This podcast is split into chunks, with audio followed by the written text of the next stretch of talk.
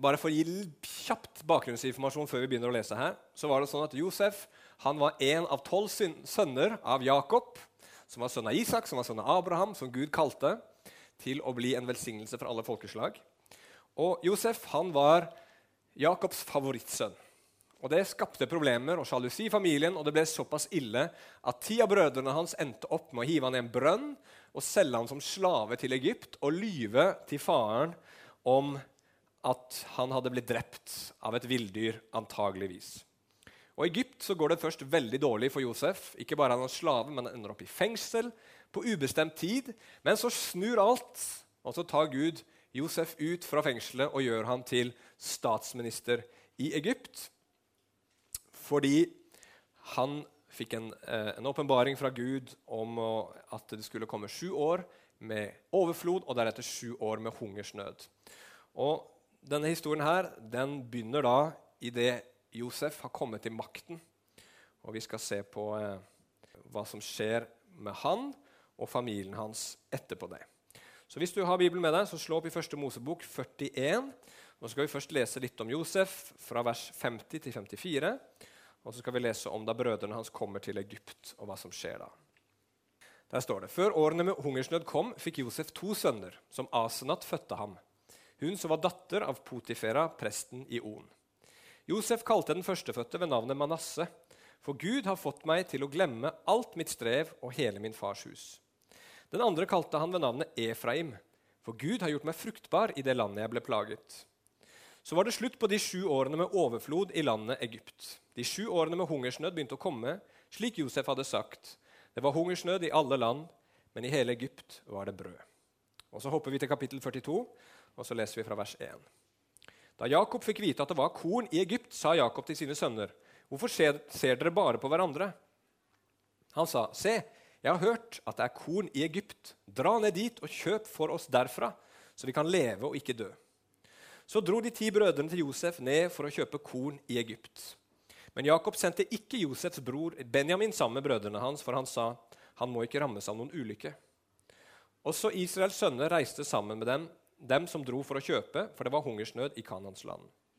Det var Josef som var hersker i landet, og det var han som solgte til alt folket i landet. Josefs brødre kom og bøyde seg ned for ham med ansiktet til jorden.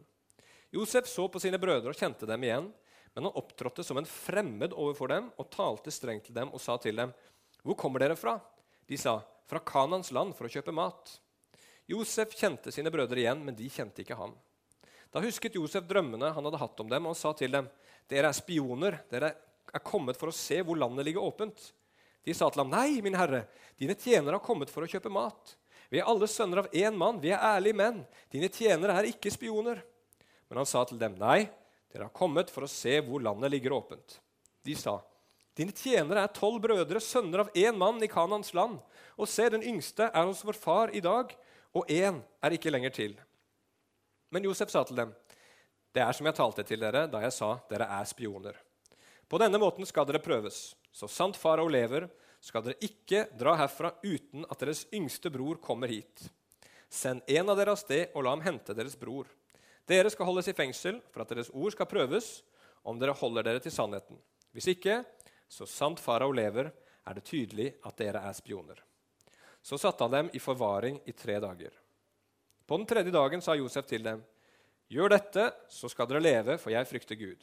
Hvis dere er ærlige, da skal en av deres brødre sitte igjen i forvaring, men dere andre skal dra av sted og ta korn med til hjelp i hungersnøden som har rammet deres hus. Hent deres yngste bror hit til meg, så det kan bli bekreftet at deres ord er sanne, og dere ikke skal dø. Slik gjorde de. Så sa de til hverandre.: Sannelig, vi er skyldige på grunn av det vi gjorde mot vår bror. Vi så hans sjeleangst da han bønnfalt oss, men vi ville ikke høre. Derfor har denne nøden kommet over oss. Ruben svarte dem og sa, talte jeg ikke til dere og sa, gjør ingen synd mot gutten, men dere ville ikke høre. Se, derfor kreves nå hans blod av oss. Men de visste ikke at Josef forsto det de sa, for han brukte tolk for å tale med dem. Men han snudde seg bort fra dem og gråt. Så vendte han seg til dem igjen og snakket med dem. Han tok Simeon fra dem og bandt ham foran øynene på dem. Og Så reiser de hjem til, eh, til landet, til Kanan, og møter Jakob og forteller alt som har skjedd. Og så står det i vers 36, som vi skal lese til slutt her nå. og til 38. Deres far Jakob sa til dem.: Dere har gjort meg barnløs. Josef er borte, Simeon er borte, og nå vil dere ta Benjamin med dere. Alt dette går meg imot. De, de måtte jo fortelle til Jakob at han, de skulle måtte ta med seg Benjamin tilbake for at Simeon skulle bli fri. Også vers 37. Da talte Ruben til sin far og sa.: Du kan drepe mine to sønner hvis jeg ikke fører ham tilbake til deg.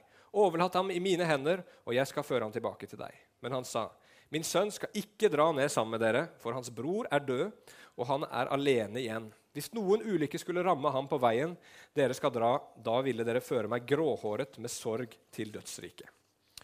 Ja, far, her er disse historiene Gud fra Det gamle testamentet. Herre, de, de handler om mennesker akkurat som oss, Herre. Med problemer og måter å takle livet på som er på mange måter akkurat som oss. Herre, jeg bare ber om at vi skal få se at disse ordene er til oss i dag. At du skal gjøre de levende for våre hjerter, Herre. At du skal herliggjøre din sønn Jesus. Kom, Hellige Ånd, og tal til oss i dag i Jesu navn. Amen. Ok, I dag så er tittelen 'Tre måter ikke å hanskes med fortiden på'. Og eh, Det er jo tre personer, eller tre grupper med personer i denne teksten her, som alle takler fortiden sin på en dårlig måte. Det er Josef, det er Jakob og det er disse brødrene. Og Jeg har tre overskrifter. For det første ikke fortreng fortidens svik. For det andre ikke lev i fortidens tap. Og for det tredje ikke omskriv fortidens skyld. Ok, vi prøver med det første. Ikke fortreng fortidens svik. Den historien her om Josef det er jo en sånn historie som alle av oss elsker å høre. Eh, når jeg leser Første Mosebok, så er det alltid kjekt når det kommer til slutten og skal lese historien om Josef. For det er liksom den type historie som vi elsker å høre når, når det er en eller annen person som er the underdog, som ikke har liksom eh, omstendighetene på sin side. Han er kanskje litt utafor, han er kanskje litt svak. Noen har kanskje gjort et eller annet galt med han, han har blitt urettferdig behandla. Men så klarer han med kløkt og mot og et godt hjerte å snu denne situasjonen på hodet. Litt sånn som Espen Askeladd. ikke sant? som var den siste og den forakta sønnen. Og så er det han som får prinsessa og halve kongeriket og lever lykkelig alle sine dager. Josef her, han er, Josef her, han er et offer for et enormt svik. Altså, tenk at dine brødre kidnapper deg og selger deg som slave. Altså, det er ubeskrivelig hva det må eh, ha gjort med Josefs liv å erfare et sånt svik fra sine nærmeste.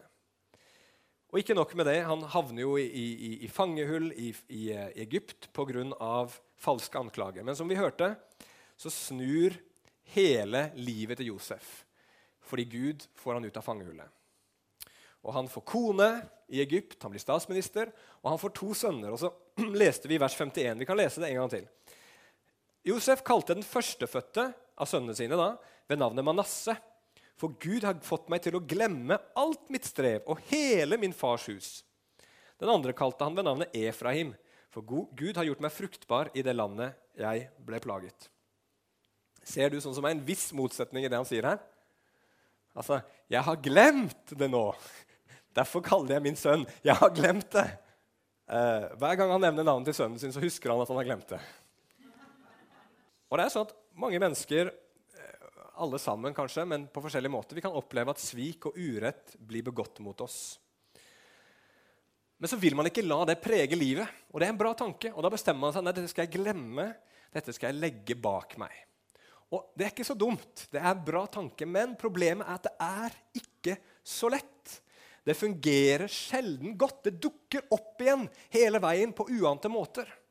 Akkurat som at du putta det inn i navnet på sønnen din. Og du sier det hver gang du kaller på han. Eh, jeg bare fikk en idé mens jeg satt og forberedte teksten min, så jeg gjorde et kjapt søk på Internett for å se hvor mange sanger jeg kunne finne på YouTube som hadde noe, sånn i, titlen, sånn i tittelen sin som 'Jeg er så over deg'. Eller jeg er, så, liksom, 'Jeg er så ferdig med deg'. Og Jeg fant kjapt fem sanger som, hvor folk skriver sanger hvor de skriver 'Jeg er så ferdig med deg'. Jeg tenker ikke mer på deg. Derfor har jeg skrevet en sang om deg. Hvis du er så ferdig med det, hvorfor skal du lage en sang om det da? Det er bare sånn at visse ting er veldig vanskelig å få til å forsvinne. Man kan prøve å glemme det, men så dukker det opp hele veien. Og så kan det jo hende noen ganger at vi faktisk glemmer det, men det ligger der allikevel og påvirker livene våre.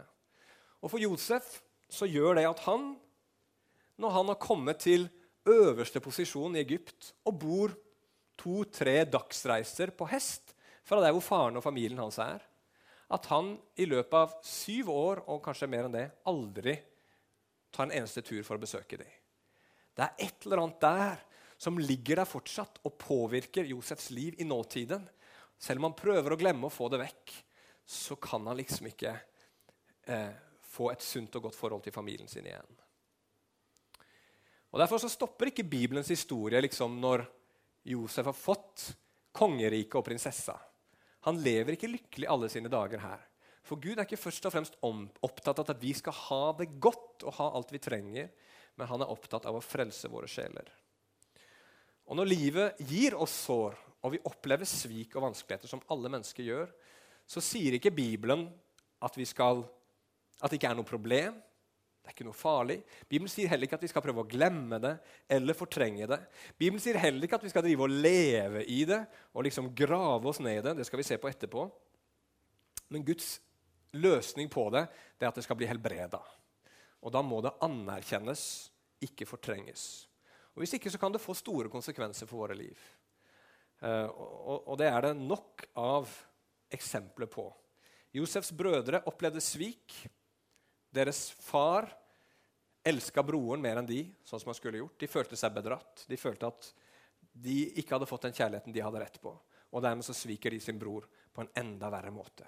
Så når sånne vonde ting som har skjedd med oss i fortiden, bare, bare ligger der og bare liksom blir fortrengt, så får det konsekvenser og negative konsekvenser for våre liv akkurat nå. Så vi må gjøre noe med det. Og det må også Josef her, og det må vi. Og spørsmålet er hvordan gjør Gud det? Og vi skal komme til det. Så det var det første punktet mitt. Ikke fortreng fortidens svik, sånn som Josef gjorde. For det andre, ikke lev i fortidens tap. Motsetningen til Josef her, det er Jakob. Jakob han hadde fire koner. Ikke noe god idé, men det var litt ufrivillig. Det var ikke helt det han eh, ønska selv. Og Dermed så var det bare én av de han ønska eh, elska. Det var Rakel. Og Så fikk, to, fikk, han to sønner med Rakel, Josef og senere Benjamin. Men Rakel døde ganske tidlig. Og Dermed så hang dette så fast i Jakobs liv at han klynga seg til Josef. Josef ble favorittsønnen sin. Og Etter hvert så mista han Josef. Josef ble tatt fra ham. Og vi leste tidligere her i en tale som vi hadde, at Jakob var utrøstelig. Kom han over det?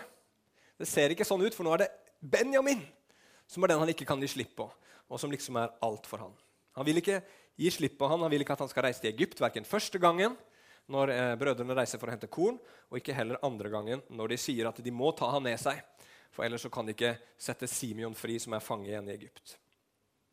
Jakob han nekter. Og du bare, du, bare, du bare, ser det på Jakob at han er dette, her er, dette går dypt i han. Altså, Tenk at du har ja, ni av sønnene dine stående foran deg. Og så sier du at hvis jeg mister han, så blir jeg barnløs.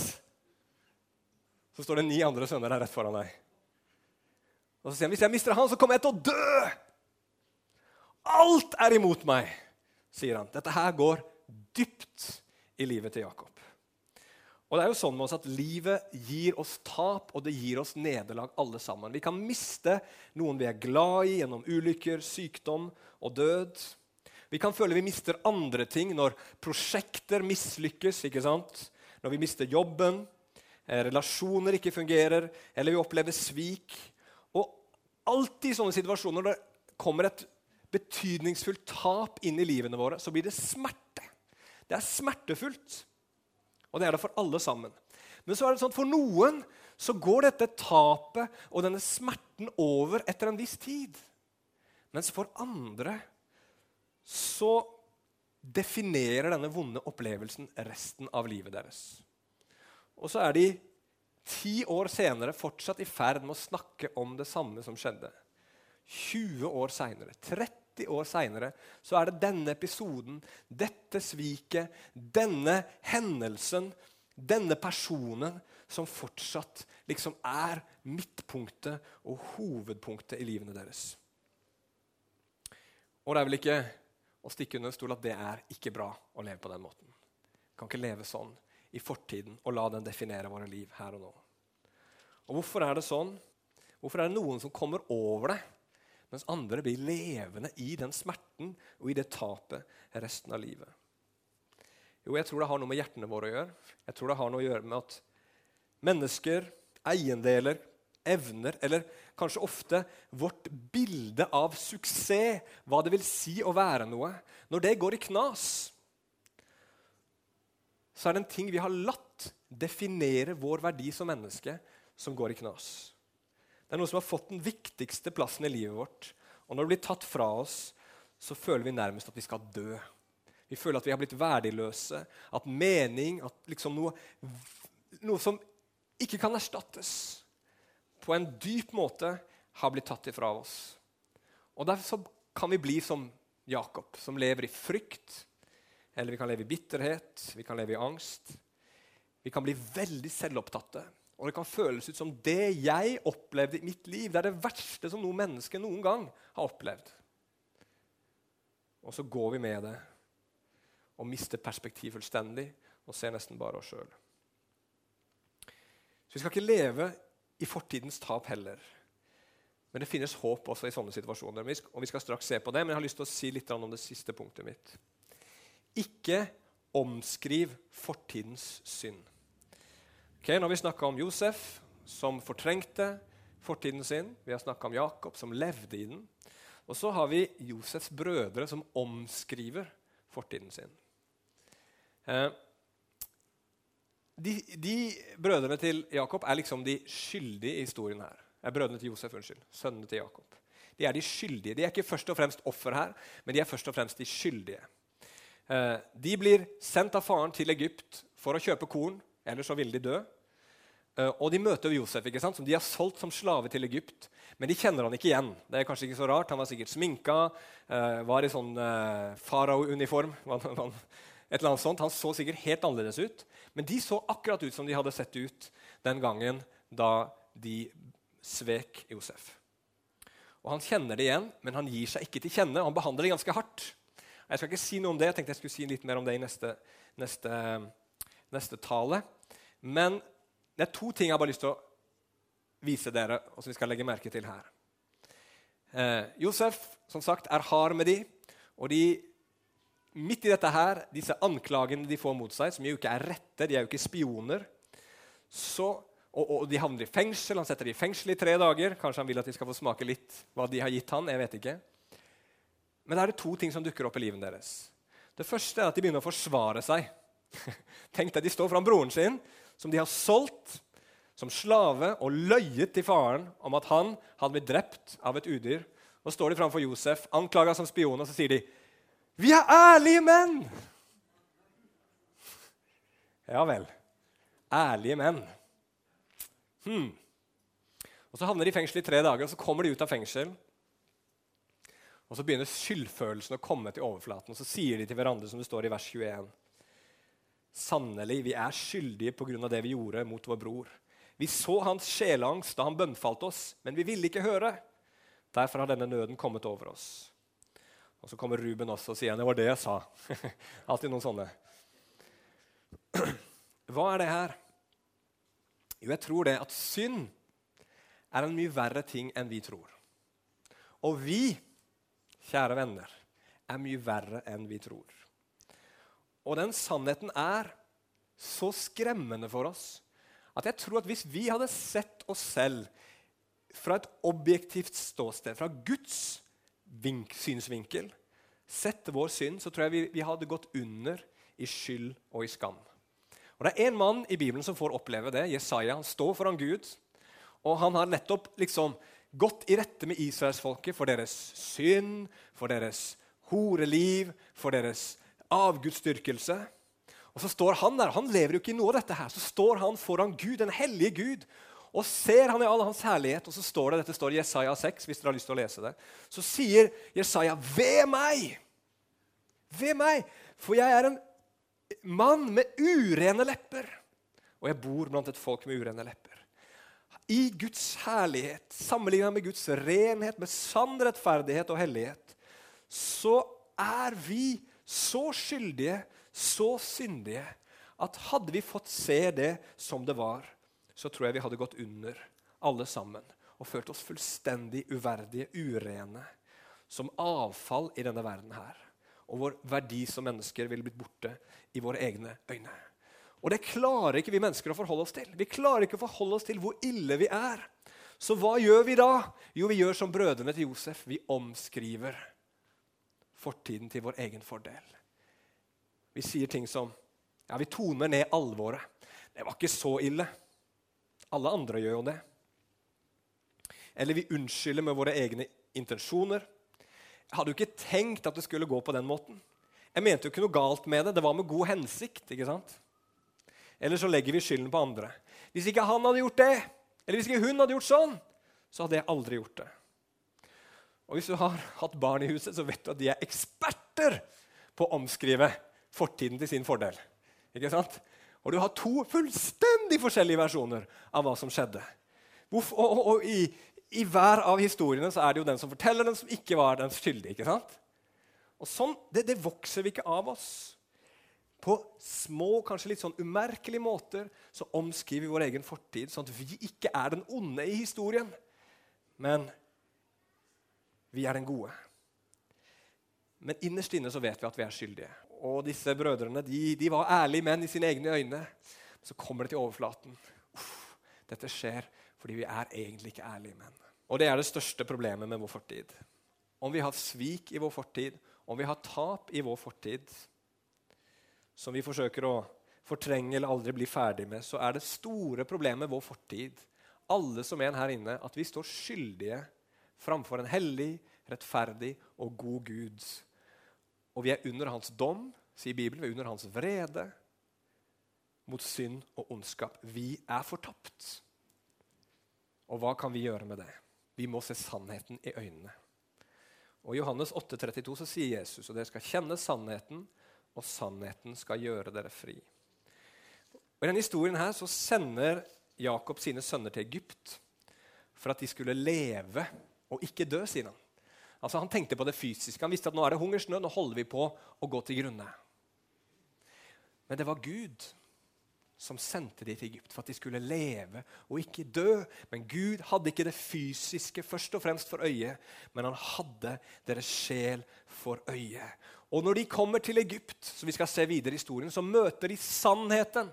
Og for alle de involverte partene her, denne historien her, både brødrene som var de skyldige, Josef som uh, hadde opplevd svik, og Jakob som hadde opplevd tap, så var det det at i denne historien så får de møte sannheten, og sannheten får sette de fri.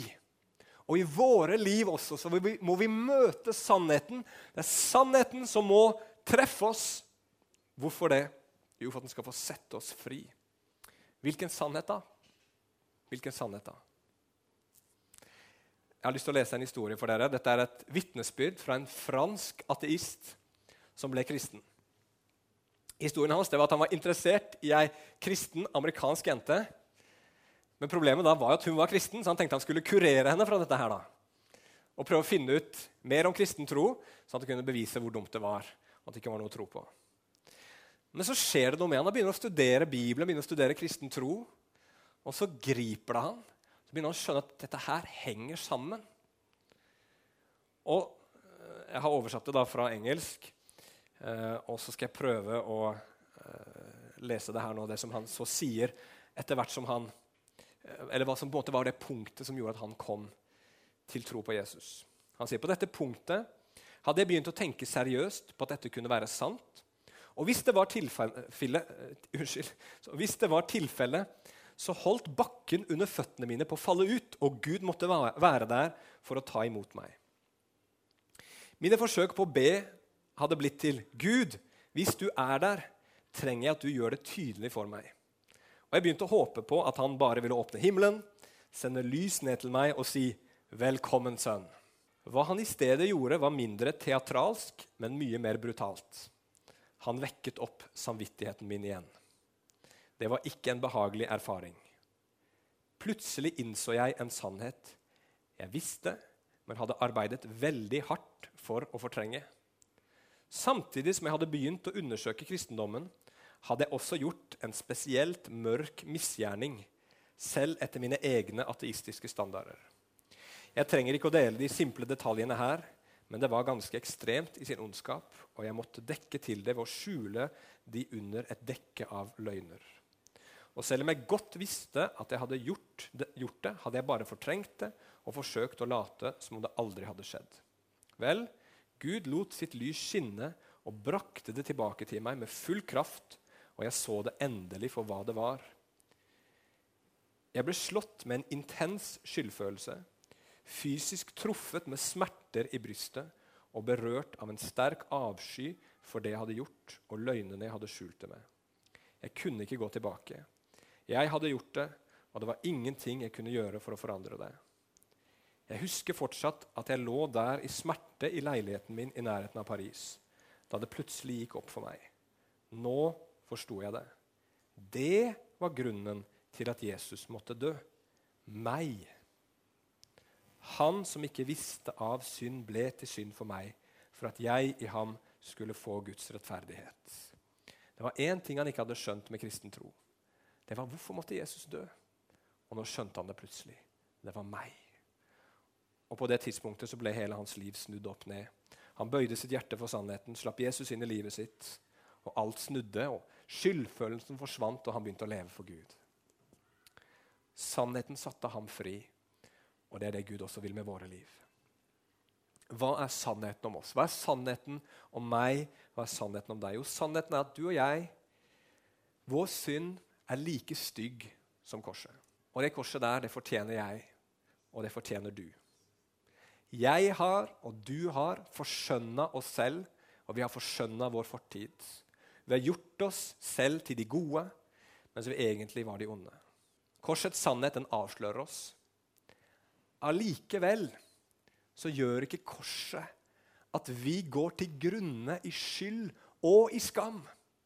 Fordi korset åpenbarer noe mer enn bare min tilstand.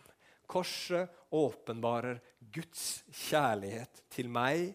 Det åpenbarer hans fullkomne tilgivelse for alle mine synder. Hans fullkomne renselse ved Jesu dyrebare blod. Hvordan kan blod rense? Du merker det den dagen du tar din synd til korset og ser at Jesus allerede har blødd og dødd for den synden.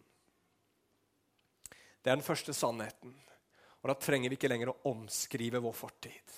Da kan vi se fortiden i øynene, men vi får lov til å se den gjennom Jesu fullbrakte verk og dyrebare blod uten skyldfølelse, uten dårlig samvittighet, uten å lenger skulle bære på de byrdene som vi før bar. For Jesus har båret den, han har betalt for dem. Det er gjort opp en gang for alle. Det kan ikke sones mer, det kan ikke straffes igjen. Jesus har gjort det. Og når jeg har sett det, så kan jeg også møte alle disse svikene i fortiden min som jeg ikke lenger som jeg ikke ønsker å tenke på. Og så kan jeg komme til korset så kan jeg se det som ble gjort mot meg, det var galt. Og Jesus viser det på korset, at det som folk har gjort mot meg, det var galt. Det var ikke rett. Det skulle aldri ha vært gjort. Men så kan du se at på samme måte som du fikk nåde på det korset, så gir Jesus også nåde på det korset til de som har vært onde imot deg. Mot de som har sveket deg. Og hvordan kan vi da komme til korset og be om nåde for oss selv og kreve dom og rettferdighet for andre? Korset har en forunderlig kraft i seg til å mykne våre hjerter, så vi kan tilgi de som har gjort galt imot oss. Og ikke nok med det, korset i all sin kraft viser oss at når ondskapen er på sitt verste, når djevelen herjer som verst og ødelegger et menneskes liv, så tar Gud det onde som ble gjort, og så snur han det til en mektig seier for sitt eget navn. Det forteller korset. Og det forteller at det som har skjedd i ditt liv av vonde, vanskelige ting, svik som aldri skulle skjedd, det kan Gud ta i ditt liv og vende til det gode. Bruke den ondskapen, snu det til en velsignelse. hvor det som aldri skulle skjedd, blir noe du kan takke Gud for at han kunne bruke i ditt liv, sånn at noe vakkert kunne komme ut av det. På den måten så trenger vi ikke å fortrenge vår fortid. Men vi kan se den i øynene og få fred, tilgi og til og med se at Gud kan bruke det. Og til slutt så må vi komme til korset med våre tap og nederlag som vi ikke klarer å slippe. Hvor du liksom ikke klarer å tilgi deg selv. Og så kan du se på korset at det fins et tap som virkelig er av evige konsekvenser. Som virkelig er et tap som fører til død. Som virkelig er det alvorlige tapet. Nemlig det å tape Gud, det å gå fortapt. For Jesus ropte ut på korset, 'Min Gud, min Gud, hvorfor har du forlatt meg?' Han ropte ut, 'Jeg tørster!' Hva var det? Jo, han erfarte, han smakte på korset det eneste tapet som vi mennesker virkelig trenger å frykte. Tapet av Gud. Vi kan tape så mange ting i våre liv, og det er smertefullt og det er vanskelig. Men det virkelige tapet, det virkelig alvorlige tapet, det er Guds. Og den du virkelig ikke kan klare deg uten, den du virkelig trenger, det er Gud. Og på korset så kan du se at ditt tap, det er ikke døden. Og det du har tapt, er ikke livet. Selv om det var godt, selv om det var bra, selv om det var noe verdifullt, så er det ikke døden. Og det du tapte, var ikke livet. Men Jesus Kristus, han er livet. Han er den som Gud har gitt oss. Han har gitt seg selv gjennom Jesus for at vi skal bli fylt opp med det ekte livet, med det ekte håpet. Så fortid det har vi alle sammen. Men gjennom korset så kan vi møte fortiden på den rette måten. Josef og brødrene hans skal få lov å oppleve hvordan Gud på en litt sånn eh, billedlig måte jobbe med deres hjerter og forandre deres liv. Vi har fått lov til å se det åpenbart for oss i det Jesus døde for våre synder og sto opp igjen til vår rettferdighet. Sånn at vi kan finne frihet når vi møter sannheten.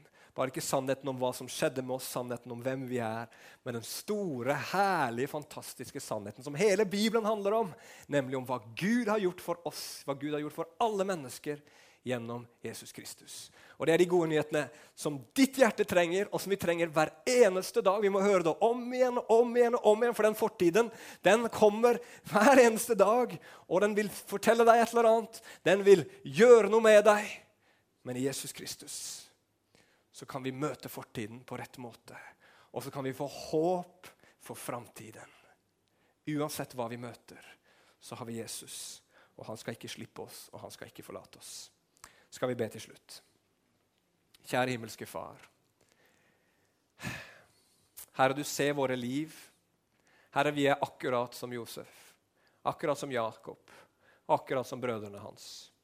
Vi kan ikke si 'jeg er så mye bedre'. Vi kan ikke si at 'jeg har fått ting så mye bedre til', Herre. Vi har tendenser i disse retningene, alle sammen. Kanskje er vi mer som Josef, kanskje er vi mer som Jakob. Kanskje er vi mer som brødrene, Herre, men vi trenger alle ditt kors. Vi trenger alle ditt kors i sentrum av våre liv, så ikke andre ting får den plassen. Så ikke mitt fokus går mot mitt, min synd, mot mine nederlag, mot andres svik, mot andres synd, Herre. Så ikke mitt fokus går på, på, meg selv og mitt eget liv, Herre, men jeg kan få løfte blikket og se at du, Jesus, du er alt. Du er livet, du er håpet, og du er min framtid. Helligånd, jeg bare ber om at du skal åpenbare Jesus for oss, for hver og en her inne. At vi kan få kaste alt på deg, Herre, og få leve i korsets sannhet og frihet hver eneste dag. Vi ber om det i Jesu navn. Amen.